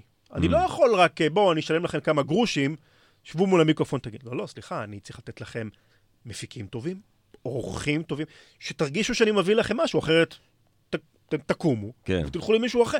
תעשו את זה בבית לבד. כן. אפשר, כל כן. אחד יכול לעשות פודקאסט. כן. ובארצות הברית ראינו את זה מצוין. למשל, דן סימונס אה, הגיש תחת אה, ESPN, אחת מהתוך, מהפודקאסטים של הספורט הכי מצליחים. ביום מסוים שאני לא זוכר, לא יודע מה קרה שם. ESPN עצ- עצבנו אותו, שיגעו אותו, לא, וזה קם, הלך, עם כל המאזינים שלו, עשה את עצמו לבד במשהו אחר, ואחר כך קנו אותו מישהו אחר. אה, זאת אומרת, אין באמת כבר סימטריה, או פעם זה אפילו לא היה סימטריה, כן, זו הייתה תחנה גדולה, שדר קטן. היום כבר שניהם די דומים, וזה טוב לי. אני רוצה שהמגישים שיהיו אצלי יהיו פה כי אני נותן להם משהו שהם באמת צריכים. mm, כל אחד צריך משהו אחר, יש אנשים שרוצים שאני אהיה העורך שלהם, יש כאלה שרוצים שאני אהיה רק, יספק להם הפקה, יש כאלה שרוצים את ההפצה, אבל יחסי העבודה כשהם בשוויון, אני אוהב את זה יותר. לא יודע, אולי זה קצת קטע סוציאליסטי. אני גם, אני גם. סוציאליסטי כזה.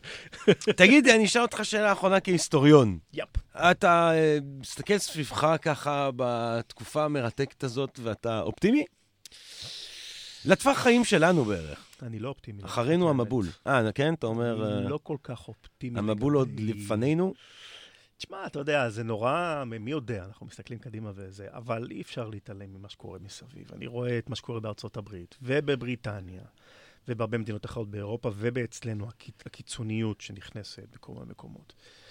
אני שואל את עצמי, האם האנ- האנושות שהיא תצא מהתקופה הזאת, תצא כמו שהיא נכנסה אליו? אני לא רואה דברים כמו מדינות ממשיכות להתקיים באותה תצורה בעוד 100 שנה ו-200 שנה.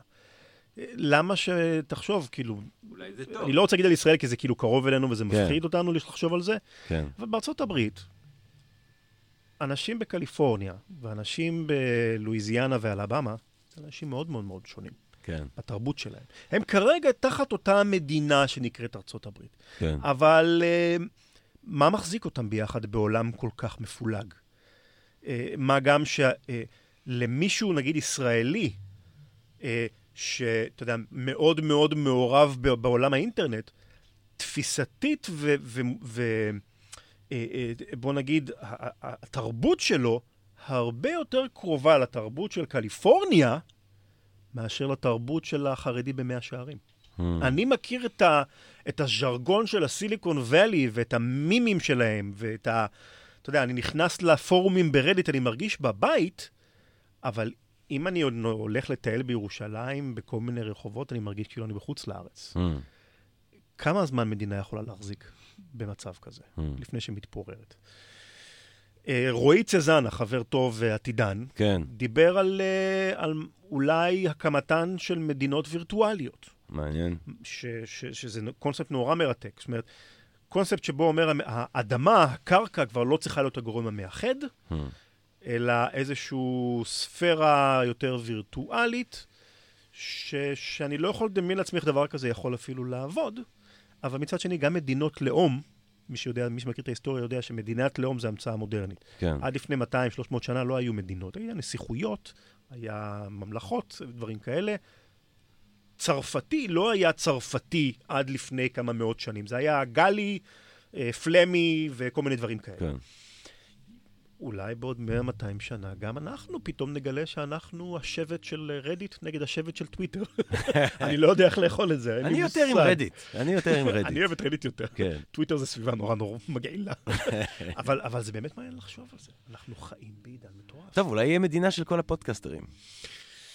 ואז, אתה יודע, יהיה תת-מדינה של הפודקסטרים של היסטוריה, כן. נגד הפודקסטרים של הספורט, לא יודע, אין לי מושג. טוב, היי, רן, אם יהיה מדינה של הפודקסטרים, אז אתה הביבי של הפודקסטרים. Oh my god. אתה כאילו ה... מה, אתה מנהיג וכאלה? אתה המנהיג הבלתי מעורער. לא, מעדיף להיות הרובי ריבלין שלו. יאללה, רובי, מה שתרצה. אתה גם, אתה יודע, כמו ביבי, אתה תוכל להיות נשיא אם תרצה. רן לוי, תודה רבה לך. תודה, מזל טוב. כן, תודה רבה, תודה רבה. איזה כיף, 100 פרקים. 100 פרקים. יאללה, לעוד 900 אה, לפחות. אמן.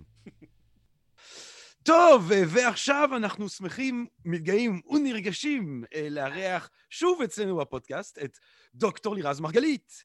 אה, דוקטור לירז מרגלית שהיא חוקרת התנהגות בעידן הדיגיטלי במרכז הבינתחומי בהרצליה, אה, ובקרוב מאוד, מי שאהב את הפרק שעשינו איתה, ומהדברים שנדבר איתה היום, יוצא ספרה עיצוב התודעה בהוצאת פרדס עוד החודש. דוקטור לירז מרגלית, שלום רב. שלום, איזה כיף להיות פה. תודה שאתם uh, מזמינים אותי. ולא סתם, הפרק המאה, פרק החגיגי. וואו, אז אני אמ, בכלל בהתרגשות כפולה. אה, אז אה, תקשיבי, אנחנו רוצים לחשוב איתך, או להבין ממך, מה כל השהות הזה בזום, מה המעבר של עולם לזום, מה זה עושה לנו, לפסיכולוגיה שלנו? מה כבר אנחנו יודעים מהשנה הזאת שהייתה זומית? אז השנה הזאת, מבחינתי, כפסיכולוגית, אני ופסיכולוגים נוספים קוראים לזה הניסוי הפסיכולוגי הכי גדול בעולם. כי למעשה הצלחנו לראות מה קורה לאנשים כשהם לא נמצאים באינטראקציות. ומה שהסתבר לנו זה שלמרות שהיינו כביכול על פסגת העולם מבחינה טכנולוגית, אנחנו יוצאים בדייטינג דרך אפליקציות היכרויות ומדברים לעוזרות החכמות שלנו ומפעילים את הבית החכם מרחוק, ולמרות כל זה הקורונה הייתה לנו דבר אחד מאוד ברור, שאנחנו עדיין לא מוכנים ללכת לשלב הבא. שהשלב הבא זה השלב שבו אנחנו יכולים להיות דיגיטליים לחלוטין, המערכת שלנו עדיין לא בנויה לזה. והזום שציינת פה זאת אחת הדוגמאות הכי טובות שיש, ואני אסביר. מה שאנחנו רואים בשנים האחרונות זה שבין 70 ל-80 אחוז מהאינטראקציה שלנו היא מבוססת על רמזים בלתי מילוליים, היא מבוססת על קשר עין ומחוות גוף, והמרחק שלנו אחד מהשני שהוא מסמן לנו המון דברים ללא מילים. כי אני, ג'רמי, יכולה לבוא ולהגיד לך, תגיד, בא לך אחרי הפודקאסט ללכת איתי לקפה? ואתה יכול להגיד לי, כי אתה נורא נורא חמוד ומנומס, אתה יכול להגיד לי כן בטח, אבל מהאופן שבו אתה אומר את זה, אני אבין משהו אחר, אני אבין שממש לא בא לך. אז מה שחשוב זה לא התוכן. עכשיו, מה קורה בזום? בזום הקלט הוא מאוד מאוד מזערי. כלומר, המוח שלנו, יש לנו ממש אזור במוח, לא נתחיל להיכנס לאנטומיה של המוח, אבל יש לנו אזור במוח שכל הייעוד שלו זה לבוא ולפרש מחוות בלתי מילוליות, לבוא ולפרש שפת גוף. עכשיו, בזום זה לא עובד טוב, כי תראה, אתה רואה אותי רק עד הכתפיים, ה micro expression, כל הבעות הקטנים המאוד מאוד מזעריות שאתה רגיל לפרש, אתה לא רואה אותם טוב, אנחנו לא רואים אותם דרך הזום, ואז האזור הזה במוח מתאמץ הרבה יותר, וזה מה שנקרא Zoom fatigue, עייפות זום. במילים פשוטות, ג'רמי, זה אומר ש-20 דקות בזום משולות לשעה, פנים אל פנים, כי אנחנו מצד אחד אתה מתאמץ יותר כדי לפרש אותי, ואני באופן לא מודע יודעת שקשה לך, אני משתדלת ומנסה להיות הרבה יותר אקספרסיבית, וזה מתיש ושוחק את המערכות שלנו. Mm. ומה את חושבת, אה, כי מדברים, או אני חושב, יש לי תחושה שעיקר הדאגה, ובצדק, זה כנראה הילדים. זאת אומרת, התופעה של המעבר אה, לחינוך המקוון בגילאים אה, של, של הבית ספר, היסודי, חטיבה, תיכון, מה, מה, מה את חושבת יהיו ההשלכות לילדים האלה לטווח ארוך יותר? זה מדהים שאתה שואל, אני בדיוק כתבתי על זה אה, מאמר, ואנחנו, אני קוראת לזה הילדים שאחרי הקורונה. אה, בפרפרזה, אה, כן אה, קשה, אבל על הילדים של חורף 73 אין פה שום השוואה, אבל כן אני חייבת להגיד שאחד הדברים שמקבלי ההחלטות שלנו לא לקחו בחשבון זה בדיוק את מה שאתה אומר, ג'רמי, זה את ההשלכות הרגשיות על הילדים. עכשיו בעיקר אני רוצה לבוא ולציין תקופת גיל מאוד מאוד ספציפית שזה גיל ההתבגרות. גיל ההתבגרות זה מקום שבו אנחנו מגלים מי אנחנו ואיך הילדים מגלים מי הם דרך אינטראקציה, אבל לא דרך אינטראקציה עם ההורים, ההורים כבר לא משחקים תפקיד בשלב הזה, דרך אינטראקציה עם הפירס, עם החברים שלהם, עם בני קבוצת השווים. עכשיו את האינטראקציה הזאת, את הלגלות מי אני, מה הדברים שמעניינים אותי, איך אני נבחן מאחרים, זה הפונקציה הבאמת משמעותית של בית הספר, לא לימודים, הלימודים לא מעניינים אותי, מה שמעניין אותי זה ההתפתחות הרגשית. עכשיו אני יכולה להגיד לך שהמון ילדים סובלים מדיכאון, הם אפילו לא יודעים לשיים את זה, הם לא יודעים לבוא ולהביע את זה, הם סובלים מחרדות, הם סובלים מאי ודאות, הם לא יודעים מה המקום שלהם. אני יכולה לתת לך דוגמה מהורים שבאים ומדברים איתי והם אומרים לי היה איזה מפגש בסוף הסגרים, היה איזה מפגש אחרי שילדים בכיתה ז' לא ראו אחד את השני שנה. האבא, הילד ניגש לאבא ואומר לו, יהיו שם בנות, אני לא יודע מה לעשות, אני לא יודע איך מדברים עם בנות. זה, זה משהו שנראה לו מאוד מאוד מפחיד. עכשיו, זה מבחינתי, מעבר לעניין של איך מדברים עם בנות, משקף משהו מאוד מאוד עמוק, משקף בעצם שהילדים, מבחינת התקופה הזאת שהם היו בבית לבד, הם מרגישים כל כך לבד, הם מרגישים חוסר אונים, הם מרגישים שאין להם את בסיס התמיכה שמאפשר להם את ההתפתחות ואת ההשלכות של זה. אנחנו לא נראה רק בחצי שנה, שנה הקרובה, אנחנו נראה את זה לטווח ארוך כי ההתפתחות הרגשית שלנו אי אפשר להפריד בינה ובין ההתפתחות הקוגניטיבית ולכן זה גם ישפיע על ההישגים בלימודים, על מידת החברתיות, על היכולת לייצר קשרים ו, אה, וזה משהו לצערי שלא לקחו בחשבון, כי אם היו לוקחים בחשבון היו מבינים שעדיף להם אינטראקציה עם כל הכבוד להידבקות בקורונה. מעניין. ו- אה, אה, ואת חושבת שזה, הרי זה גיל גם נורא אלסטי, את חושבת ש... ש, ש, שזה דברים שחזרה לשגרה ותקופה תקופה כזאת של חזרה לשגרה לא, לא, לא תתקן? את חושבת שיש פה נזקים זה, זה בדיוק מה, מה שאנחנו רואים אצל ילדים. ג'רמי, יש תקופה, שאנחנו קוראים לה בפסיכולוגיה תקופה קריטית. למה הכוונה? למשל, יש את המקרה המפורסם של ג'ני, שזאת ילדה עונה מאוד מאוד קטנה, אבל עד גיל שבע אבא שלה התעלל בה, החזיק אותה בחדר, לא נתן לה להיחשף לשפה בכלל. ואז כשגילו את זה, פסיכולוגים באו וכל היום היו איתה ועובדים סוציאליים וניסו ללמד אותה לדבר. עד סוף חייה הרמה ההתפתחותית שלה הייתה לא גבוהה משל ילד בגיל שלוש. כלומר יש, אנחנו מגיעים לעולם מצוידים ביכולות מסוימות אבל יש להם גם תקופות מסוימות להתפתח. עכשיו ברכישת שפה יש לנו את השנים הראשונות לחיים באותה מידה לרכישת אה, אינטראקציה בין אישית, ליכולות אה, ההבנה של איפה אני נמצא בחברה, לכישורים החברתיים, גם יש תקופה קריטית בגיל ההתבגרות זאת התקופה הזאת, ולכן אה, למרות שזה כביכול תגיד לי שזה רק שנה, יש דברים שאנחנו לא נוכל לפצות עליהם. Mm. אוי, טוב, אז אתה יודע מה, בוא ננסה להרים. מה, מה טוב, אולי יצא גם משהו טוב מהמעבר שלנו, לה, מההיכרות שלנו תראה, עם הטכנולוגיות האלה? אני אגיד לך, אני גם אה, מתעסקת המון בפן העסקי, בפן העסקי יצא המון דברים טובים, כי אני יכולה להגיד לך שהמון אנשים מבוגרים למשל, שמאוד חששו מטכנולוגיה, בלית ברירה עברו לרכוש online.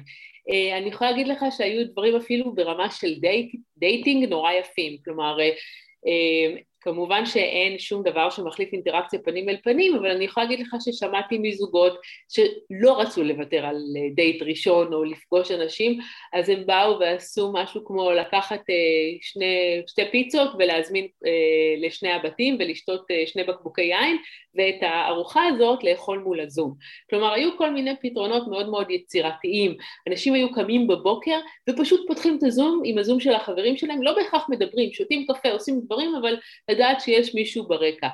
אה, מבחינת אה, מקומות עבודה, אז בהחלט ראינו שהיום כבר לא ימהרו להטיס אותך לתאילנד.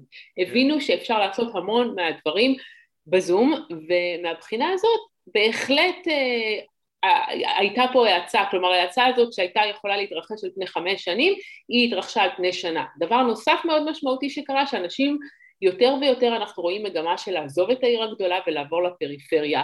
אה, הקורונה הזאת בעצם גרמה לאנשים לשנות את סדרי העדיפויות, להבין מה חשוב בחיים, להתקרב למשפחה, להתקרב לילדים, וחלק מהמגמה הזאת זה גם אה, מעבר לבנות חדרי משפחה, בכלל זה השפיע אפילו ברמה של הארכיטקטורה, של בניית הבית. אז כן אי אפשר להגיד שהיא לא גרמה לדברים טובים ויש המון אנשים שבאים ואומרים לי לירת הקורונה הייתה תקופה מדהימה בשבילי נכון, יהיה כאלה פה ושם, אה, אפילו הצרכנות השתנתה, אני חייבת להגיד לך, אנשים הפסיקו לקנות שטויות, הפסיקו לקנות באלי אקספרס את כל הדברים שהם היו אומרים, טוב, שטויות זה זול. אה, הם חושבים פעמיים, אה, אפילו המקומות הבילוי כבר, אנשים פחות ילכו לערים הגדולות כמו לונדון וניו יורק, ילכו למקומות כמו צימרים, לכפרים, אז יש פה המון דברים חיוביים שכנראה הולכים להישאר איתנו, ובהחלט בכל דבר, אתה יודע, יש טוב ורע. מדברים הרבה, את יודעת, על ה... על ה טוב, מן הסתם על המשבר הרפואי אה, מבחינת אה, הווירוס, מדברים הרבה על המשבר הכלכלי, גם מדברים על המשבר הפסיכולוגי, שאנחנו, אני מניח שאנחנו רק נתחיל לראות אותו, כמו שאת אומרת, עם ילדים, אבל בכלל עם בני אדם, אנחנו רק נתחיל לראות את ההשלכות אה, הפסיכולוגיות של כל ההרפתקה הזאת, באופן כללי, על החברה שלנו, על החברה, העולם בכלל. מה את צופה, כאילו, מה, איזה סוג של בעיות את חושבת שהפסיכולוגים אה, יצטרכו לחשוב עליהם, למקד את הסיוע שלהם לאוכלוסייה בעקבות המשבר הזה? תראה, קרה משהו מאוד מעניין, אני אגיד פה שני דברים, קרה משהו מאוד מעניין לפסיכולוגים, לפסיכותרפיסטים בעיקר, ומה שקרה מעניין זה שהפסיכולוגים לא הפסיקו לעבוד, הרבה מהם התחילו לעבוד דרך הזום. Mm. וקורה פה משהו בהליך הטיפולי, אני חייבת לומר. קורים פה שני דברים. קודם כל, הפסיכולוג בא ונחשף, כי אם עד היום המטפל היה שם, יש איזושהי אמונה בהרבה מהגישות הפסיכולוגיות שיש איזשהו distance, ששומרים על איזשהו מרחק, והמרחק הזה יעיל להצלחת הטיפול, אבל כשאתה בבית, מכניס אותי, אני מכניסה אותך לחדר שלי, למקום שלי, אז יש פה איזושהי שבירת distance, וזה כן משהו שאנחנו עוד נמשיך לחקור אותו. ודבר נוסף ש...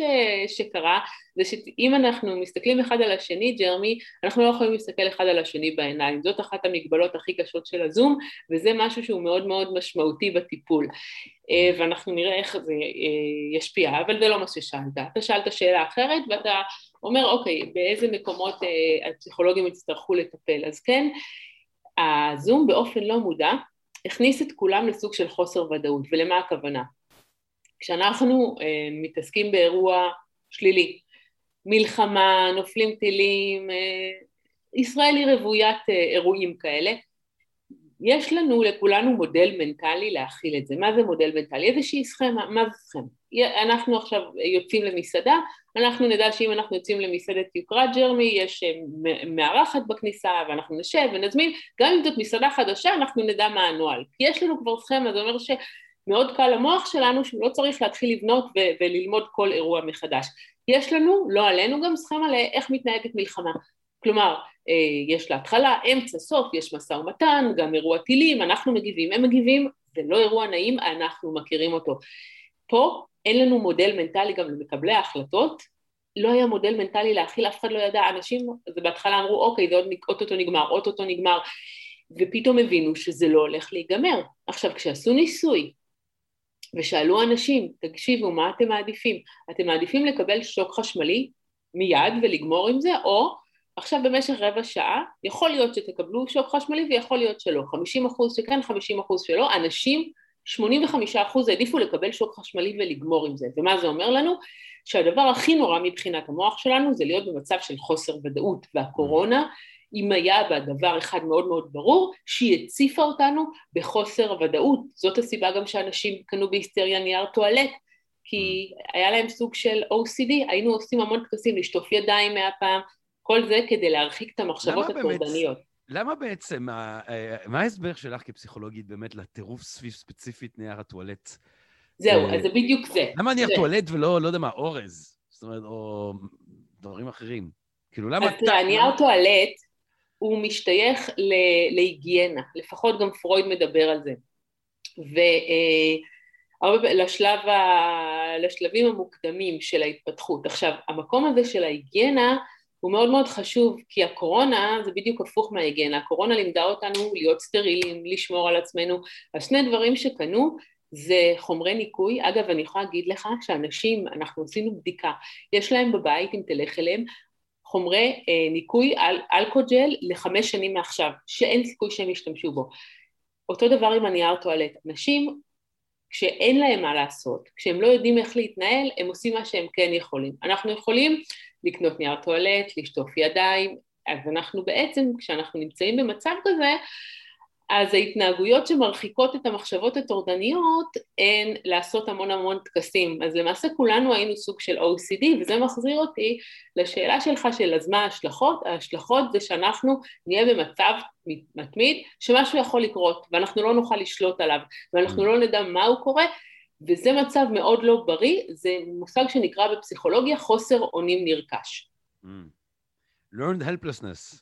בדיוק. Um, מה אנחנו יכולים לצפות, אה, אם נעבור לחדשות טובות, הספר שלך יוצא עוד מעט, מה, מה אנחנו יכולים לצפות בעיצוב התודעה? Uh, טוב, לגבי עיצוב התודעה, uh, אני מדברת על באמת איך, איך מהנדסים לנו את התודעה בלי שנראה, בעיקר בעולם הדיגיטלי, על, כל ה, על כל המניפולציות הפסיכולוגיות שעושים לנו, איך קוראים לנו להיות שעות בפייסבוק ואיך uh, גורמים לנו לקנות דברים שאנחנו לא התכוונו.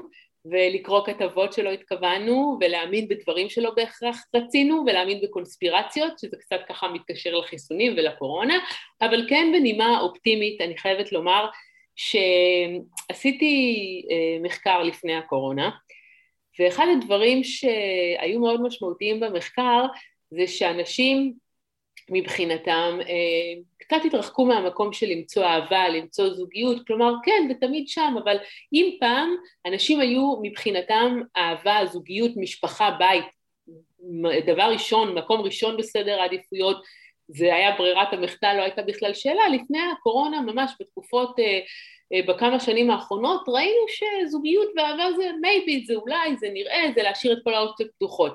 מה שקרה בקורונה זה שהיה תהליך הפוך, שבו אנשים, יכול להיות שזה מהבדידות, אבל אני כן רוצה להישאר במקום הרומנטי, מחפשים את האהבה, מחפשים את האחד, מחפשים את הזוגיות, שינו סדר עדיפויות, ואנשים כמהים לאהבה, שזה דבר נורא נורא יפה, שאני ממש רואה אותו עכשיו.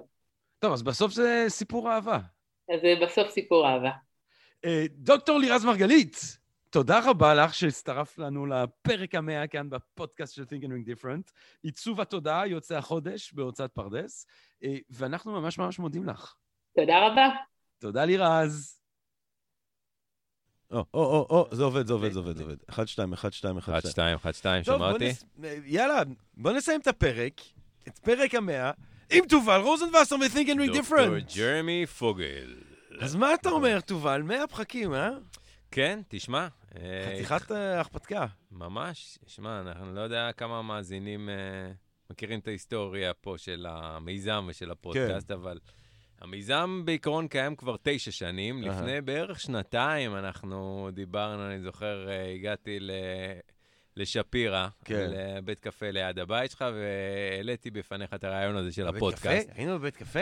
נדמה לי לא שכן, זה היה בבר יוחאי, כן, כן. נראה לי אתה עושה דרמטיזציה, זה מרגיש לי יותר... אל תשכתב את ההיסטוריה. זה מרגיש יותר כמו איזה שיחת וואטסאפ. אה, לא, לא, לא, זה היה בית קפה, אני זוכר אה, ממש את היום. באמת? אחרי שהיינו שם ברחוב הירקון אצל אה, רנן מוסינזון. נכון. אז דיברנו על, על פודקאסט. ואני... כן, אנחנו אבל ממש באמצע. שנייה, שנייה, היינו פשוט ב... חמש דקות, שלוש כאילו- דקות ציינו. עכשיו כאילו היינו באמצע ההקלטה. אנחנו כן. מקליטים. אני יודע שאתם מקליטים, אבל סבבה. תודה. טוב, יאללה, אוקיי. משאירים את זה. אה, ואז החלטנו בעצם לעשות, אה, או הצעת לעשות פודקאסט. נכון. אה, אני הייתי נגד. אתה לא היית נגד, אבל בסדר, כן. זה אולי טוב לסיפור. ואני חייב להגיד ש... כאילו לא ידעתי, לא, כן, לא חשבתי. שמכל ה... כן. אה, אה, שמכל ה... אז היה לנו עוד היסטוריה של אה, שנים אחורה, שהיית כמובן הרצדת ב-Think and Drink נכון, Different, ומכל המרצים אמרתי שאתה, לדעתי, יכול להיות מנחה מדהים, ואני חייב להגיד עכשיו, אחרי 100 פרקים ואחרי שנתיים, שאפילו לא דמיינתי כמה... כמה מוצלח זה יהיה, גם uh, איתך ועם ה... מצד אחד העומק שלך, ומצד שני הפאן שאתה שאתה, תודה, שאת, תודה. שאתה עושה, והנגישות והשילוב שלך ושל האורחים. איזה אורחים. אה, באמת לא, לא, יכולתי, לא יכולתי לקוות אה, למשהו שיהיה אז טוב. אז מה, מה העתיד של הפודקאסט שלנו, של הפודקאסט של Think and Doing Difference? מה אה, אתה רואה? קודם כל, אה, כמובן, יש לנו אה, סימן של עתיד נצחי, כמו המשיח. אמן. אז יש לנו את ה... כעתיד נצחי, יש לנו את הפרק אה, של הביוב בנתניה. או, אתה אה, התנגדת. אני... אתה התנגדת נורא. אני הבאתי את הפרק הזה על אפך וחמתך. אני חושב שהפרק הזה צריך להיות כמו ביאת המשיח, שזה צריך להיות עתיד, אבל לא, עתיד לא. נצחי, שתמיד זה יהיה בסימן עתיד. אחי, יש לי בקלנדר, אני חושב שבמאי היא נורא עסוקה. האמת היא, אני חושב שהביוב בנתניה אמור להיות פרק 100. אני חושב, בינינו, זה היה פרק, זה אני, היה, אני, אני שמחתי בעד, לדבר עם האנשים היום. תמיד, אני תמיד אמרתי שאני בעד הפרק עם הביוב בנתניה, אבל כפרק מספר אתה אלף. העלית את אני זה, אומר שזה צריך להיות הפרק... אתה כתבת בפייסבוק, אה, כן או לא, כולם אמרו כן, ועדיין התנגדת. היה צריך רוב מיוחס, היה צריך רוב של 100%, ולא קיבלת את ה-100% הזה. גבירותיי ורבותיי, על אפו וחמתו של תובל רוזנבסר ב-Think and Being Different, תצפו לפרק על ביוב בנתניה בעוד שבועיים. זה יהיה פרק אלף של הפודקאסט, כשנגיע לפרק לא אלף, נכון, לא נכון. זה יהיה, לפי החישוב שלי, זה אמור לקחת לא יותר מ... 30 שנה. בעוד שלושה פרקים, הפרק בנתניה. 2051, ביוב בנתניה, ביוב בנתניה בעוד שלושה פרקים. מה חוץ אבל, חוץ מהביוב בנתניה, שמגיע? אה, מה עוד נשמע? תשמעו, אני חושב ש... נמשיך, אה, פשוט נמשיך. משהו שהוא מוצלח, אה, לא משנים. מה, למה לשנות? נכון. אורחים טובים, כן. מנחה מצוין. מה, למה, למה לשנות? לא, לא צריך לשנות. יאללה, בוא נמשיך. בוא נמשיך כל עוד אפשר. טוב, תובל רוזנבסר מ-Think and Different. תגיד, אתה אופטימי? זו השאלה כזאת היום, אתה יודע מה? אתה אופטימי? אני אני בן אדם אופטימי, בגדול, בלי קשר לנסיבות. מה אתה אומר? אני חושב ש... לא, כן, לא אתה... רואים את זה עליך. לא רואים את זה? לא שומעים את זה גם ממך. לא, לא זה, זה לא, זה אתה לא בציניות, לא משדר. אתה אומר. אני באמת. קודם כל, יזם, אגב, חייב להיות אופטימי, נכון. אחרת הוא לא... אין, נכון. אין, לו, אין, לו מה, אין, אין לו מה לחפש בכלל. אה, אבל אני ספציפית באמת אה, בן אדם אופטימי, אני חושב ש... האנושות בכלל... אתה מאוד סומך על טכנולוגיה. אני גם סומך כן. על טכנולוגיה, אני חושב שהאנושות בכלל הולכת למקום שהוא בגדול יותר טוב. אה, יש בו יותר טוב מרע, לא אומר שאין בו רע, לא אומר שאין בעיות, אבל יש יותר דברים טובים מדברים רעים. אני חושב שגם אה, יש, אה, יש, אני חושב, ספר של מט רידלי שנקרא האופטימיסט הרציונלי. Mm. אני חושב שמי שרציונ... אני חושב שאומנם אני, יש לי נטייה אופטימית, אבל אני חושב שזה גם uh, מגובה בעובדות. אני חושב ש... ש... שבגדול uh, הולך להיות טוב, גם במקרו וגם במיקרו, לנו, uh, אמן. לנו כאן. אמן, אמן, אמן, אמן. תובל רוזנבסר מתיקן ביג דיפרנט. ואני אגיד לך תודה שבאת, לא. לא איפשהו לא. אתה, אתה יודע, אפשר לקחת את זה. תודה שאני קיים, תודה שאתה קיים, תודה שאתה קיים. תודה שאתה קיים, תודה כן, למיזם היפה הזה. איזה כיף לנו ב-Thinking Different. אנחנו מדברים עם אנשים בפודקאסט. אנחנו מרצים בברים. אנחנו מרצים על פילוסופיה בברים. כן. איזה כיף. זה שילוב. התמזל מזלנו. זה שילוב של הדברים הטובים של החיים. יש לנו הרבה מזל. חוכמה וברים. אה, נשגב. וברים. אה, רעיונות וברים. כאילו, מה, לא צריך שום דבר מעבר לזה. ותודה רבה לכם. תודה רבה. הקהל הקדוש שלנו ב-Thinking in Different. מעל הכל לג'רמי פוגל, באמת. ותודה רבה אה, לג'רמי פוגל. שעושה את הפודקאסט. בטח. בסגנון שלו ובעומק שלו. אה, איזה ג'רמי זה. אבל העיקר זה הקהל. העיקר זה הקהל. זה, זה הקהל ספק. הקדוש של Thinking Different. בלי קהל, מי אנחנו? אנחנו... מי אנחנו ומה מה אנחנו? זה מתחגשים, באמת, מכל ההודעות ומכל האמירות ומכל הדברים אה, שאנחנו מקבלים, ואנחנו אה, נשמח להמשיך ולעשות אה, עוד דברים, ואם יש לכם הצעות ורעיונות, אז תמיד תכתבו לי או לתובל, אנחנו נגישים, ואנחנו תמיד שמחים לשמוע. תודה רבה לכם, מקווה שנהנתם מהפרק הזה, אה, משאר הפרקים שהקלטנו, מהפרקים שבעזרת השם נמשיך ונקליט מעבר לפרק המאה. כל טוב, רק בריאות, ונשתמע. פודקאסט, פודקאסט, פודקאסט.